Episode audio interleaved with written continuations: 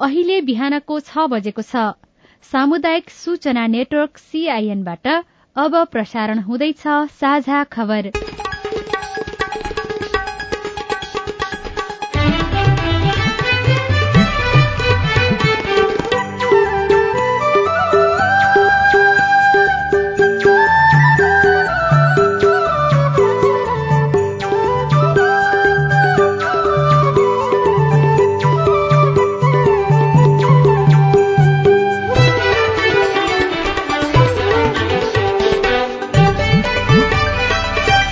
शुभ प्रभात। यो सीआईएन को साझा खबर हो। स्नेहा कर्णसँगै लील प्रकाश चन्दको तपाईँलाई स्वागत छ। सामुदायिक रेडियोबाट देशैभरि एकैसाथ प्रसारण भइरहेको साझा खबर सीआईएन खबर डट कम र मोबाइल एप सीआईएनबाट पनि सुन्न सकिन्छ।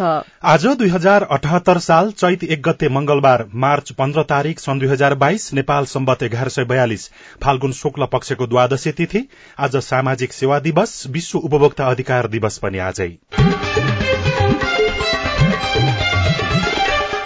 सिन्धुपाल्चोकको रेडियो सिन्धु आजबाट चौधौं वर्ष प्रवेश गरेको अवसरमा उत्तरोत्तर प्रगतिको शुभकामना व्यक्त गर्दै साझा खबरमा प्रमुख खबरका शीर्षकहरू। स्थानीय तहको निर्वाचनमा चार हजार मतदान केन्द्र थपिँदै साना दललाई पुरानै चिन्ह दिन परामर्श प्रमुख दलहरू चुनावी कार्ययोजना निर्माणमा। नेपालमा कोविड संक्रमण दर एक प्रतिशत भन्दा कम दुई सय बीस स्थानीय तहको केन्द्रमा अझै कालोपत्रे सड़क पुगेन। सवारी चालक अनुमति पत्रको आवेदन अनिश्चितकालका लागि बन्द। मलेसिया र दक्षिण कोरियामा नयाँ कामदार पठाउन प्रक्रिया शुरू आठ महिनामा बीस प्रतिशत मात्रै विकास खर्च उपभोक्ता समिति मापदण्ड विपरीत चल्दै युक्रेन र रूस बीच प्राविधिक विराम गर्ने सहमति नागरिकहरूमा युद्धको प्रभाव डरलाग्दो सतहमा पुगेको राष्ट्रसंघको भनाई चीनको सांघाई र सेन्जेनमा कोरोना संक्रमणको दर बढ़्यो। र झापा गोल्ड कप फुटबलको उपाधि आर्मीलाई श्रीलंका विरूद्धको दुई खेलको टेस्ट सिरिज भारतद्वारा क्लिन स्वीप।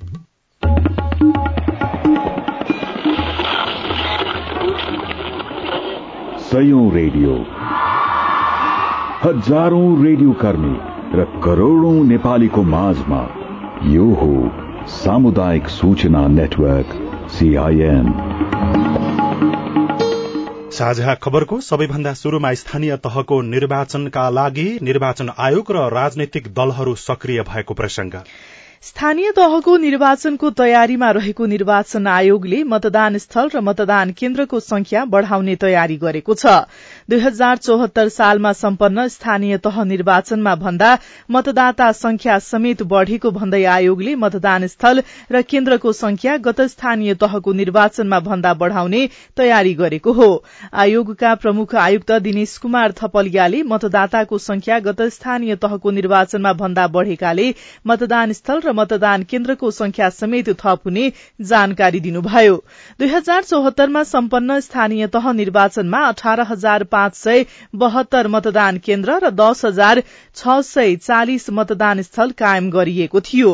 आयोगले यसपटक भने दस हजार सात सय छप्पन्न मतदान स्थल र मतदान केन्द्रको संख्या बाइस हजार पाँच सय पुर्याउने गरी तयारी अगाडि बढ़ाएको छ।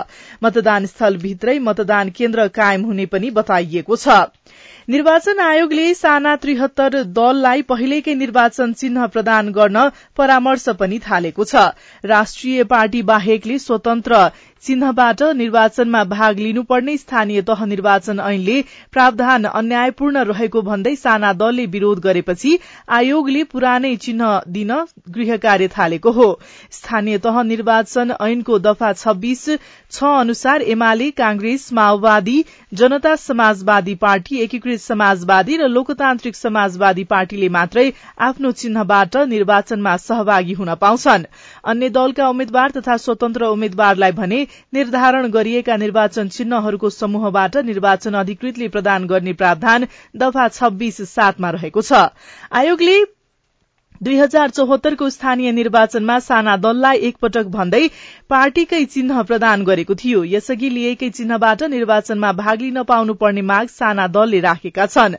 आयोगका पदाधिकारीसँग ठूला दल सहित शुक्रबार बसेको बैठकमा स्वतन्त्र रूपमा निर्वाचन लड्नुपर्ने प्रावधानको साना दलले विरोध गरेका छनृ। वैशाख तीसमा हुने स्थानीय तहको निर्वाचनका लागि राजनीतिक दलहरू आफ्नो रणनीति बनाउन जुटेका छन्। नेकपा एमाले स्थानीय तह निर्वाचनको कार्ययोजनालाई अन्तिम रूप दिन आज केन्द्रीय सचिवालयको बैठक बोलाएको छ। हिजो बसेको केन्द्रीय कार्यालय बैठकमा आजको सचिवालय बैठकको एजेण्डाका बारेमा कुराकानी भएको एमाले प्रचार विभाग उपप्रमुख विष्णु रिजालले सीआईएनसँग बताउनुभयो। तीन बजी बस्ने केन्द्रीय सचिवालय बैठकका एजेन्डाहरूको बारेमा छलफल गरेको छ। साथै पोलिट ब्युरो र केन्द्रीय कमिटिको आसन्न बैठकका एजेन्डाहरूको बारेमा पनि छलफल गरेको छ। हामी पूर्ण रूपमा अब निर्वाचनमा केन्द्रित भइरहेका छौँ। सिङ्गो पार्टी पङ्क्तिलाई निर्वाचनमा केन्द्रित गराउने गरी कार्ययोजना निर्माण गर्ने सन्दर्भमा कार्यालयको बैठकमा छलफल भएर प्रस्तावहरू तयार भएको छ। हामीले केन्द्रीय कमिटिको बैठकबाट नै यसको विस्तृत कार्ययोजना बनाएर देशव्यापी रूपमा पार्टी पङ्क्तिलाई परिचालन गर्ने तयारी गरेका छौँ। एमाले स्थानीय तह निर्वाचनलाई केन्द्रित गरेर प्रदेश स्तरीय प्रशिक्षण तथा अभिमुखीकरण कार्यक्रम यस अघि नै सकिसकेको छ। जनता समाजवादी पार्टी जसपाको हिजो सकिएको केन्द्रीय समितिको बैठकले आगामी स्थानीय तहको चुनावमा उठ्ने उम्मेद्वारको योग्यता र छनौटका लागि मापदण्ड बनाएको छ भने चुनावका लागि कार्ययोजना पनि पारित गरेको छ। कार्यकारिणी सदस्य र आजकिशोर यादवले निर्वाचनको बेला एक पालिकामा एक केन्द्रीय सदस्यलाई जिम्मेवारी दिने निर्णय भएको सीआईएनसँग बताउनुभयो।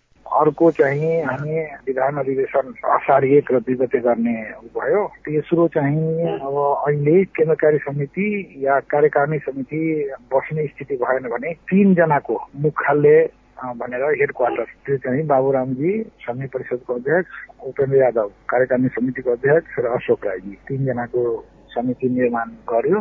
अर्को चाहिँ पार्टीको आधिकारिक सिग्नेचर त्यो अस्ति कार्यकारिणीबाट गरेका थियौँ वरिष्ठ नेता अशोक राईजीले। जुन गएको थियो काम भयो जसपाले कार्यकारिणी सदस्य प्रदीप यादवमाथि गरेको कार्यवाही पनि फुकुवा गरेको छ।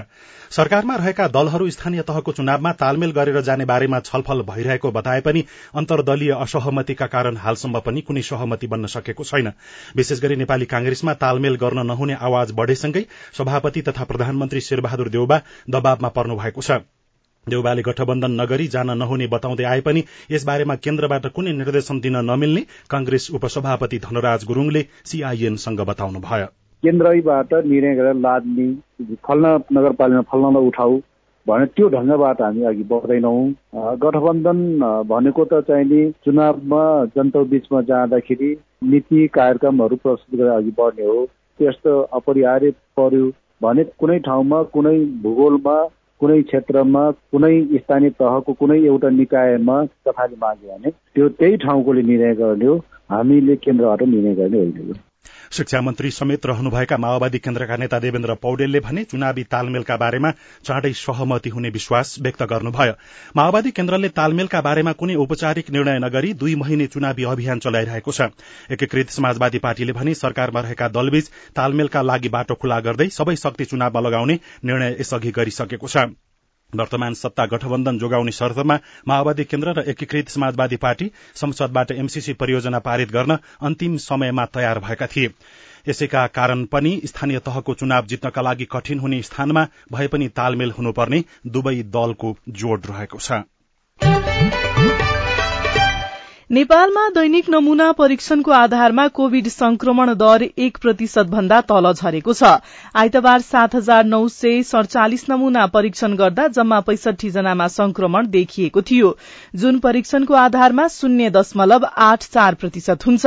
हिजो समेत परीक्षण गरिएको नमूनाको आधारमा एक दशमलव शून्य प्रतिशतमा संक्रमण देखिएको छ। नेपालमा कोरोना संक्रमितको संख्या घटेसँगै दैनिक मृत्यु हुने दर पनि शून्यतिर लाग्न थालेको छ। गत फागुन महिनामा कोरोनाका कारण हुने मृत्यु दर कम्तीमा तीन दिन शून्यमा झरेको स्वास्थ्य तथा जनसंख्या मन्त्रालयले जनाएको छ। हिजो पनि कोरोनाका कारण कसैको पनि मृत्यु भएन। स्वास्थ्य मन्त्रालय अन्तर्गतको इपिडिमियोलोजी तथा रोग नियन्त्रण महाशाखाका निर्देशक डाक्टर चुमनलाल दासले कोरोना संक्रमणको दरमा कमी आए पनि जोखिम भने कायमै रहेकाले सावधानी अप्नाउन सीआईएन मार्फत सबैसँग अनुरोध गर्नुभयो।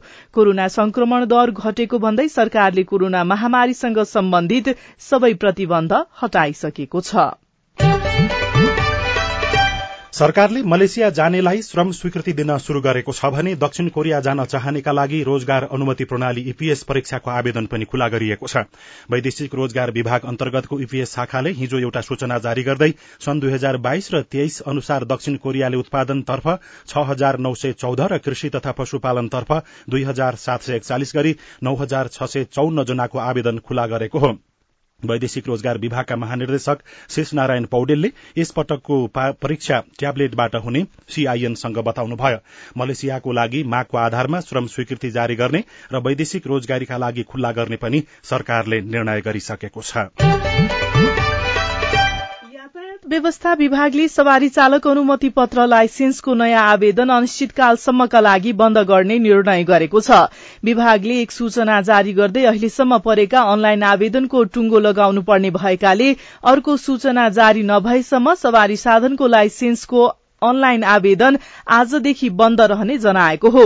विभागका सूचना अधिकारी डाक्टर लोकनाथ भूषालले सीआईएनसँग कुराकानी गर्दै अहिलेसम्म परेका आवेदन अनुसारको लाइसेन्स वितरण प्रक्रिया चाँडै सक्ने गरी तयारी भएको बताउनुभयो। विगत केही समयदेखि यो सवारी चालक अनुमति पत्र लिने प्रशिक्षार्थी सेवाग्राहीहरू हुनुहुन्छ। उहाँहरूको कोभिडको लगायतको कारणले गर्दा लामो क्यू हुन गयो अनलाइन प्रणालीबाट। टु थाउजन्ड ट्वेन्टी फोरको नोभेम्बर डिसेम्बरसम्मको पनि डेट आउने र लामो समय चाहिँ कुर्नुपर्ने अवस्था देखियो। यसले गर्दाखेरि यो खालको सेवाग्राहीहरूमा छटपटी भएको अवस्था हामीलाई बोध भयो। र त्यसलाई चाहिँ कसरी कम गर्न सकिन्छ त्यो छटपटलाई भनेर अहिले हामीले बन्द गर्ने समयको लागि। र अहिले पुरानोलाई भएकोलाई जति छिटो सक्यो छिटो गरेर एक दुई महिनाभित्र यसलाई सकाउने त्यसपछि खोलेपछि भरेको एक हप्ताभित्र जाँच दिन पाउने व्यवस्था गर्न लागेका छौँ हामीले। त्यस कारणले सेवाग्राहीहरूले अलिकति अब एक दुई महिना भर्न पाइएन भनेर हात दिनु पर्दैन। सरकारले सेवालाई डिजिटल बनाउने भने पनि सवारी चालक अनुमति पत्र लाइसेन्स नवीकरणको फारम बुझाउन मात्रै नौ घण्टासम्म लाममा लाग्नुपर्ने बाध्यता छ। एकान्तकुना स्थित यातायात व्यवस्था कार्यालयमा चालक अनुमति पत्र नवीकरण गर्न जाने सेवाग्राहीले टोकन लिन बैंकमा राजस्व जम्मा गर्न र फारम बुझाउन मात्रै कम्तीमा नौ घण्टा लगाउनुपर्छ। त्यही माथि दैनिक बाँडिने दुई सय टोकन हात पार्न बिहान सखारै यातायात कार्यालय पुगेर लाम लाग्नुपर्ने अवस्था छ। फारम बुझाउन नौ घण्टा लाग्छ। लाइसेन्स पाउन झण्डै डेढ वर्ष लाग्ने गरेको छ।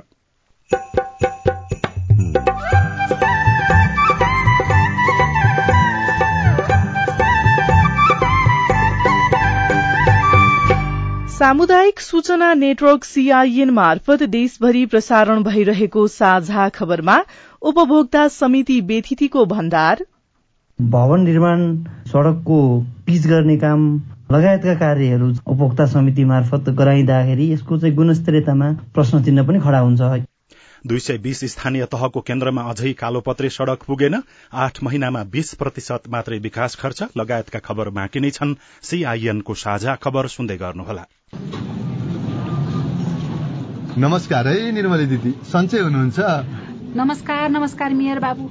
कहाँ सन्चो हुनु? कोरोनाले गर्दा बल्ल बल्ल सुरु गरेको होटल दुई वर्षदेखि राम्रोसँग चल्न सकेको छैन। त्यसैको चिन्ताले होला म पनि बेला बेलामा बिरामी भइराखेकी छु। हो नि दिदी कोरोना महामारीले होटल पर्यटन व्यवसाय घरेलु उद्योग उत्पादनमूलक उद्योग कृषि सबैतिर प्रभाव पारिहाल्यो नि। उत्पादन गरेका कुराले पनि बजार पाएनन् मानिसहरूले भएका रोजगारी पनि गुमाएका छन्। अनि यस्तो समस्यामा त तपाईँहरूले सहयोगको कार्यक्रम ल्याउन पर्यो नि। अब हामी जस्तो सानो लगानीमा व्यवसाय सुरु गरेका महिला पछाडि परेका वर्ग अपाङ्गता भएका व्यक्तिलाई निराश बनाउनु भएन नि। ल निर्मली दिदी तपाईँ आजै नगरपालिका कार्यालयमा गएर निवेदन दिनु त। किन र? हामीले कोविडले रोजगारी गुमाएका र व्यवसायमा असर परेका तपाईँ जस्तैलाई सहयोगको लागि कार्यक्रम ल्याएका छौ नि। हाम्रो नगरपालिकाले कोविडका कारण रोजगार गुमाएकाहरूलाई स्वरोजगार बन्नका लागि उनीहरूको व्यवसाय हेरेर आर्थिक सहयोग गर्दै आएको छ। व्यापार व्यवसाय पुनरुत्थानका लागि आवश्यक परेका व्यक्तिलाई बैंकसँग सहकार्य गरी नगरपालिका नै जमानी बसेर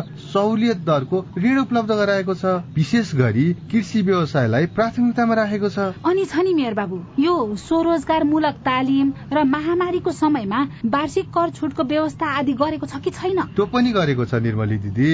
हो र मेयर बाबु? ल हुन्छ म त आजै नगरपालिका गएर निवेदन दिन्छु। कोरोना महामारीले उद्योग व्यवसाय आर्थिक र सामाजिक क्षेत्रमा पारेको असरलाई समाधान गरी व्यवसायीहरूलाई पुरानै अवस्थामा फर्काउनका लागि सबै स्थानीय सरकार र सरकारवालाहरूले सहयोग गर्नुपर्दछ।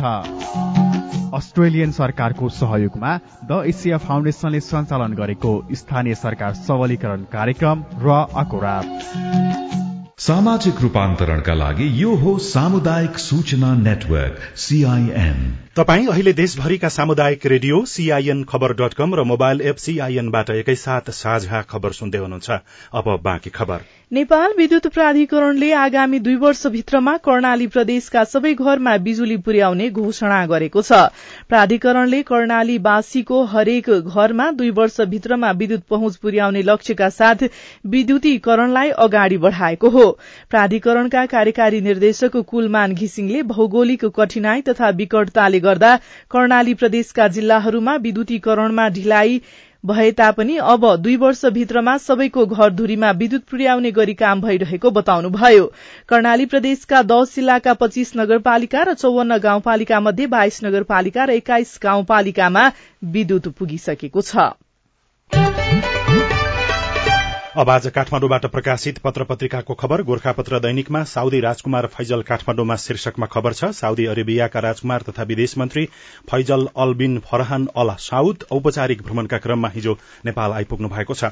आफ्नो विशेष विमान मार्फत हिजो साँझ नेपाल आइपुग्नुभएका राजकुमार फैजल सहितको साउदी अरेबियन प्रतिनिधि मण्डललाई परराष्ट्र सचिव भरतराज पौड्याल सहितका उच्च अधिकारीले त्रिभुवन अन्तर्राष्ट्रिय विमानस्थलमा स्वागत गर्नुभयो। आज उहाँले राष्ट्रपति विद्यादेवी भण्डारी प्रधानमन्त्री शेरबहादुर देउबासँग साउदी राजकुमार फैजलले शिष्टाचार भेट गर्ने कार्यतालिका रहेको छ। बीसजना विरूद्ध भ्रष्टाचार मुद्दा शीर्षकमा अर्को खबर छ। अख्तियार दुरूपयोग अनुसन्धान आयोगले तनहुको एक विद्यालयका व्यवस्थापन समिति अध्यक्ष र प्रधान अध्यापक सहित बीसजना विरूद्ध भ्रष्टाचारको मुद्दा दायर गरेको छ। नयाँ पत्रिका दैनिकमा दुई सय बीस स्थानीय तहको केन्द्रमा अझै पुगेन कालोपत्रे सड़क। एक्काइस तहमा त ट्र्याक समेत खुल्न सकेको छैन भन्ने शीर्षकमा खबर छ। देशका सात सय त्रिपन्न मध्ये दुई सय बीस स्थानीय तहका केन्द्र अझै कालोपत्रे सड़कले जोडिन सकेका छैनन्। एक्काइस तहको केन्द्रमा त सड़कको ट्र्याक समेत पुगेको छैन। ट्र्याक खोलेर यी सबै तहको केन्द्रसम्म जोड्न चौतिस सय पन्ध्र किलोमिटर सड़क कालोपत्रे गर्न अझै पनि बाँकी छ। निजामती सेवाका सचिव विशिष्ट श्रेणीको व्यवस्थापन लगायतका विषयमा अध्ययन गर्न गठित कार्यदलले हाल कार्यरत सचिवहरूको संख्यामा भारी कटौती गर्नुपर्ने निष्कर्ष निकालेको खबर पनि छ। कार्यदलले हाल कायम रहेका बहत्तर सचिवको दरबन्दी पैंतालिसदेखि अडचालिसमा सीमित गर्नुपर्ने निचोट निकालेको हो। यस्तो निष्कर्ष सहितको प्रतिवेदन कार्यदलले बुझाउन लागेको छ। हाल कायम सचिवको दरबन्दी ठूलो भएको कतिपय मन्त्रालयमा आवश्यकता भन्दा बढ़ी सचिव रहेको र तल्लो श्रेणीले पनि हुने ठाउँमा सचिवको दरबन्दी राखिएपछि कार्यदलले पुनरा अवलोकन गर्न सुझाव दिएको हो। कान्तिपुर दैनिकको भित्री पृष्ठमा आठ महिनामा बीस प्रतिशत मात्रै विकास खर्च शीर्षकमा खबर लेखिएको छ। चालू आर्थिक वर्षको दोस्रो चौमासिकसम्ममा सरकारले बीस प्रतिशत बराबर मात्रै पुँजीगत खर्च गरेको छ। फागुन उनातिससम्ममा बीस दशमलव एक छ प्रतिशत बराबर मात्रै विकास खर्च भएको महालेखा नियन्त्रक कार्यालयको तथ्याङ्कले देखाएको छ। चालू आर्थिक वर्षका लागि सरकारले पुँजीगत शीर्षकमा तीन खर्ब अठहत्तर अर्ब रूपियाँ बराबर छुट्याएकामा हालसम्म छयत्तर अर्ब बाइस करोड़ रूपियाँ बराबर मात्रै खर्च भएको छ। भित्री पृष्ठमै कांग्रेसमा नेतृत्व चयन पूरा शीर्षकमा अर्को खबर लेखिएको छ। सत्तारूढ़ कांग्रेसले चौधौं महाधिवेशन अन्तर्गत सबै संरचनाको नेतृत्व चयन गरेको छ। कांग्रेसले केन्द्र सात प्रदेश सतहत्तरवटै जिल्ला एक सय पैंसठीवटै प्रतिनिधि सभा निर्वाचन क्षेत्र तीन सय तीसवटै प्रदेश सभा निर्वाचन क्षेत्र सात सय त्रिपन्नवटै स्थानीय तह र छ हजार सात सय त्रिचालिसवटै ओडामा नेतृत्व चयनको प्रक्रिया पूरा गरेको छ। भदौ अठारमा वडा अधिवेशन शुरू गरेर मंगिरमा महाधिवेशन अधिवेशन गर्दा सोह्र जिल्लाको अधिवेशन बाँकी थियो। आइतबार सिन्धुपाल्चोक र बाराको जिल्ला अधिवेशन सकिएसँगै चौधौं महाधिवेशन अन्तर्गतका नेतृत्व चयन सम्पन्न भएको हो। नागरिक दैनिकमा इन्धनको भाव आकाशिँदा नवीकरणीय तथा वैकल्पिक ऊर्जा सम्बन्धी नीतिगत व्यवस्थाको कार्यान्वयन फितलो शीर्षकमा श्रीराम सुवेदीले खबर लेख्नु भएको छ। अर्को खबर नयाँ भन्सार एजेन्ट रोक्न पुरानाको चलखेल शीर्षकमा दिलीप पौडेलले लेख्नु भएको छ। दुई दशकदेखि आयात निर्यातमा सहजीकरण गर्दै आएका भन्सार एजेन्टले विभिन्न अस्त्र प्रयोग गरेर नयाँ एजेन्ट नियुक्ति रोक्न चलखेल गरेका छन्। नयाँ एजेन्टले लाइसेन्स पाउँदा सिन्डिकेट तोडिने भएपछि परीक्षा रोक्न उनीहरूले पहल थालेका हुन्। दुई दशकदेखि नयाँ भन्सार एजेन्ट नियुक्त भएका छैनन्। पाटन उच्च अदालतको आदेशले भन्सार एजेन्टको परीक्षा फेरि स्थगित गरिएको छ। साझा खबरमा अब hello C I N Sushila श्रेष्ठबाट।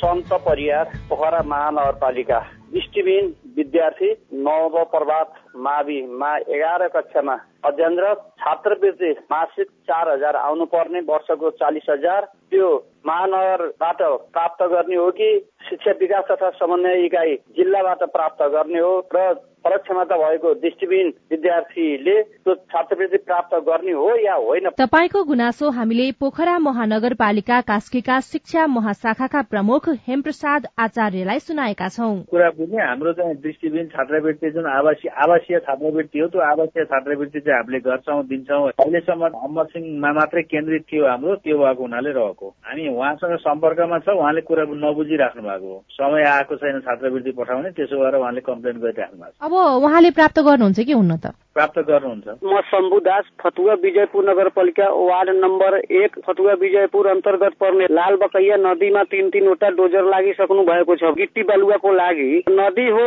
Fatuwa Vijaypur नगरपालिकाको पुर्जी कटिया छ गुजरा नगरपालिकाको नाममा। दू दर्जन भन्दा बढी करोसर कहाँबाट चल्छ? सरकारको निर्देशन हो। हामीले यस विषयमा फतुवा विजयपुर नगरपालिकाका प्रमुख गोपाल राय यादवलाई सुनाएका छौँ। हजुर के छ? त्यो हाम्रो प्रमोसनको तलामा टेन्डर थियो बुझ्नुभयो पटक पटक चाहिँ चिठी काट्दाखेरि अहिलेसम्म सम्झौता गरेका छैन।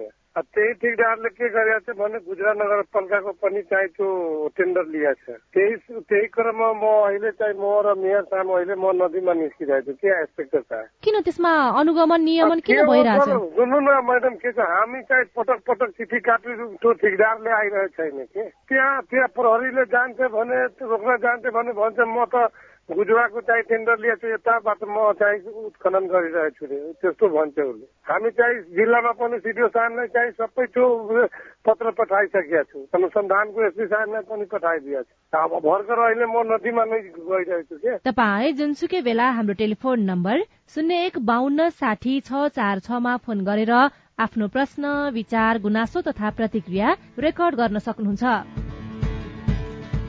साझा खबरमा अब विदेशको खबर युक्रेन र रूस बीच प्राविधिक रूपमा मात्रै युद्धविराम गर्ने सहमति बनेको छ। युक्रेनमा जारी युद्ध अन्त्यको विषयमा हिजो दुई देशबीच भएको तेस्रो चरणको वार्तामा आजसम्मका लागि प्राविधिक विराम गरिएको छ।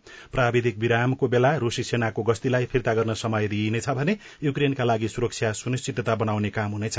युक्रेनका राष्ट्रपति भ्लोदमिर जुलिनिस्कीका सल्लाहकार मिखाइलो पोदोलेकका अनुसार प्राविधिक विरामपछि आज फेरि पनि वार्ता गरिनेछ।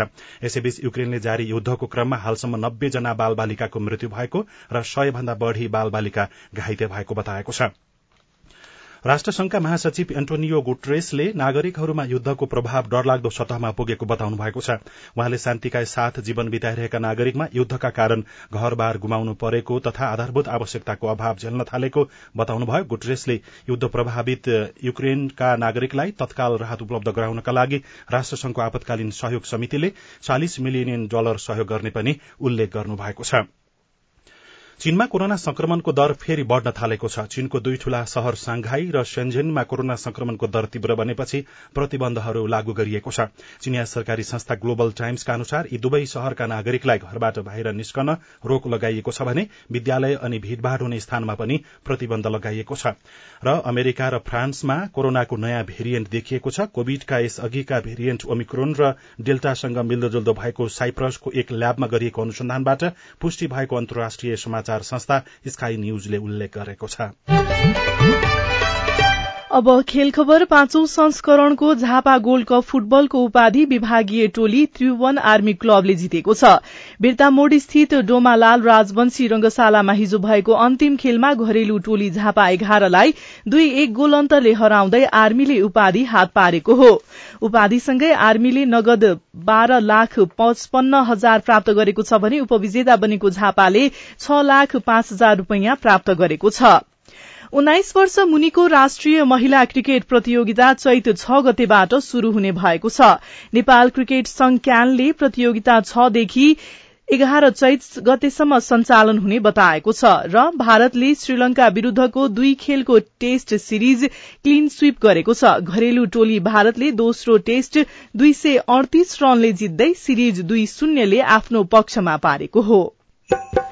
मापदण्ड विपरीत चल्दै उपभोक्ता समिति अख्तियार र महालेखाको निगरानीमा रेडियो रिपोर्ट अरू खबर र कार्टुन पनि बाँकी नै छ सीआईएनको साझा खबर सुन्दै गर्नुहोला। दहेज मांगने है अस्सी हजार रुपया आठ आना सोना बाह्र भर चानी वर्ष चौध वर्ष मेरो बिहे भएको डेढ साल भयो। साथीहरू स्कुल जाँदा रहर लाग्छ बिहे किन गर्यो जस्तो। बाल विवाह जस्ता परम्परागत हानिकारक अभ्यासहरू रोक्नका लागि समुदायमा रहेका अन्य सरोकारवाला जस्तै धर्मगुरूहरूको पनि भूमिका महत्वपूर्ण हुन्छ। कानूनी रूपमा दण्डनीय र सामाजिक रूपमा निन्दनीय मानव अधिकार उल्लंघन गर्ने खालका हानिकारक परम्परागत अभ्यासको अन्त्य गरौं। वर्ल्ड भिजन इन्टरनेशनल नेपाल र सामुदायिक रेडियो प्रसारक संघ अगोर्याप सामाजिक रूपान्तरणका लागि यो हो सामुदायिक सूचना नेटवर्क सीआईएन साझा खबरमा अब उपभोक्ता समितिको प्रसंग एक करोड़ लागतसम्मका आयोजनाको काम उपभोक्ता समिति मार्फत गराउन मिल्ने व्यवस्था सार्वजनिक खरिद नियमावलीमा छ।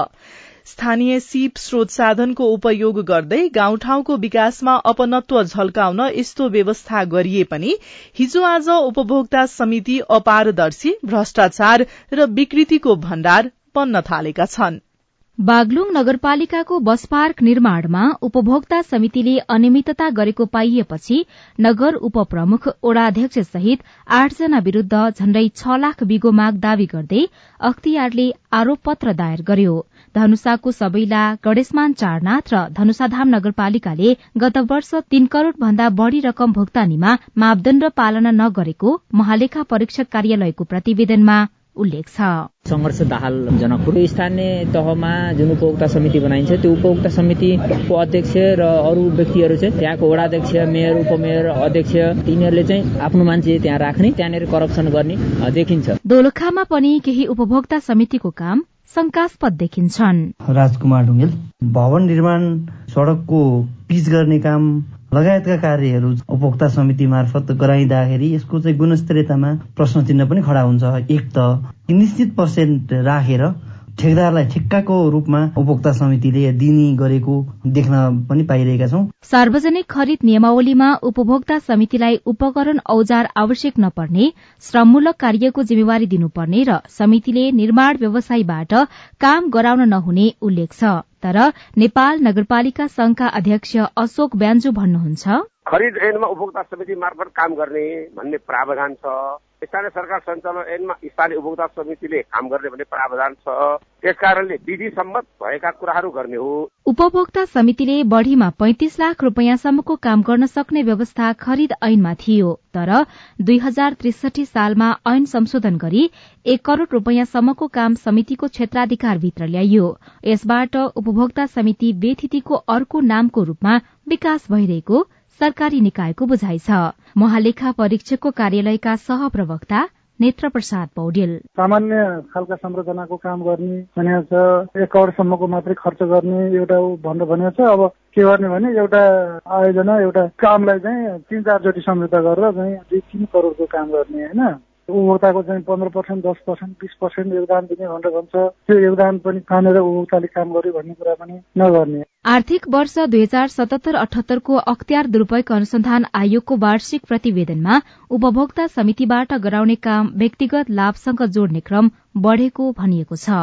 यो प्रवृत्तिको अन्त्यका लागि सूक्ष्म ढंगले अनुसन्धान भइरहेको बताउनुहुन्छ आयोगका सहप्रवक्ता वेद प्रसाद भण्डारी। आयोगले अध्ययन गर्दाखेरि प्राप्त हुन आएका उजुरीहरूलाई स्थलगत अनुगमन गर्ने प्राविधिक जाँच गर्ने काम पनि हामीले गर्ने गरेका छौँ। यो संहिता कार्यान्वयन हुँदै गर्दाखेरि विशेष गरी उपभोक्ता समितिबाट हुने काम चाहिँ अलिकति लापरवाही भएको अवस्था चाहिँ आयोगले पाएको छ। तीनै तहका सरकारले पठाएका योजनाको बजेट अनुसार कार्यान्वयनका लागि उपभोक्ता समिति अघि सर्छन् तर कामको गुणस्तरमा भन्दा नाफामा ध्यान गएको मापदण्ड विपरीत उपकरणको प्रयोग गरिएको गुनासो धेरै सुनिन्छ। केही वर्ष अघिसम्म उपभोक्ता समितिमा बस्न नचाहनेहरू हिजो आज नेतृत्वमा पुग्न हानथाप गर्नुलाई विज्ञहरू समितिको नाउँमा हुने चलखेलको कारण ठान्छन्। यो रिपोर्टसँगै हामी साझा खबरको अन्त्यमा आइपुगेका छौं। सामुदायिक रेडियो प्रसारक संघद्वारा संचालित सीआईएनको बिहान छ बजेको साझा खबर सक्नु अघि मुख्य मुख्य खबर फेरि एकपटक। स्थानीय तहको निर्वाचनमा चार हजार मतदान केन्द्र थपिँदै साना दललाई पुरानै चिन्ह दिन परामर्श प्रमुख दलहरू चुनावी कार्ययोजना निर्माणमा। नेपालमा कोविड संक्रमण दर एक प्रतिशत भन्दा कम दुई सय बीस स्थानीय तहको केन्द्रमा अझै कालोपत्रे सड़क पुगेन। सवारी चालक अनुमति पत्रको आवेदन अनिश्चितकालका लागि बन्द। मलेसिया र दक्षिण कोरियामा नयाँ कामदार पठाउन प्रक्रिया शुरू आठ महिनामा बीस प्रतिशत मात्रै विकास खर्च। उपभोक्ता समिति मापदण्ड विपरीत चल्दै। युक्रेन र रूस बीच प्राविधिक विराम गर्ने सहमति। नागरिकहरूमा युद्धको प्रभाव डरलाग्दो भएको राष्ट्रसंघको भनाई चीनको सांघाई र सेन्झेनमा कोरोना संक्रमणको दर बढ़्यो। र झापा गोल्डको फुटबलको उपाधि आर्मीलाई।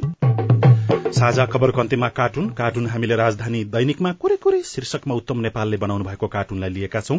व्यङ्ग्य गर्न खोजिएको छ अहिलेको सरकारमा सहभागी दल र आगामी चुनावको विषयमा। आगामी चुनावमा तालमेल गर्ने बारेमा कांग्रेसभित्र कुरा मिलिसकेको छैन। यसले एकीकृत समाजवादी र माओवादी केन्द्रका नेताहरू चिन्तित देखिन्छन्। यहाँ एउटा घर छ। घरको ढोका नजिकै दुईजना नेताहरू प्रचण्ड जस्ता र माधव नेपाल जस्ता देखिने व्यक्ति एक अर्काको अंगालोमा काँधमा हात राखेर केही कुराकानी गरेको जस्तो देखाइएको छ। तल चाहिँ यस्तो लेखिएको छ। चिन्ता नलिनु कामरेड चुपचाप कांग्रेसले हामीलाई बुई चढाएन भने पनि हामी छौं नि एक अर्काको बुई चढ्नको लागि त चुनावमा। हवस् त प्राविधिक साथी सुनिल राज भारतलाई धन्यवाद। अहिलेलाई लील प्रकाश चन्द्र स्नेहा कर्ण विदा भयो। तपाईँको आजको दिन शुभ होस्। नमस्कार। यसपछि देशभरिका सामुदायिक रेडियोबाट कार्यक्रम संवाद प्रसारण हुनेछ। सुन्ने प्रयास गर्नुहोला।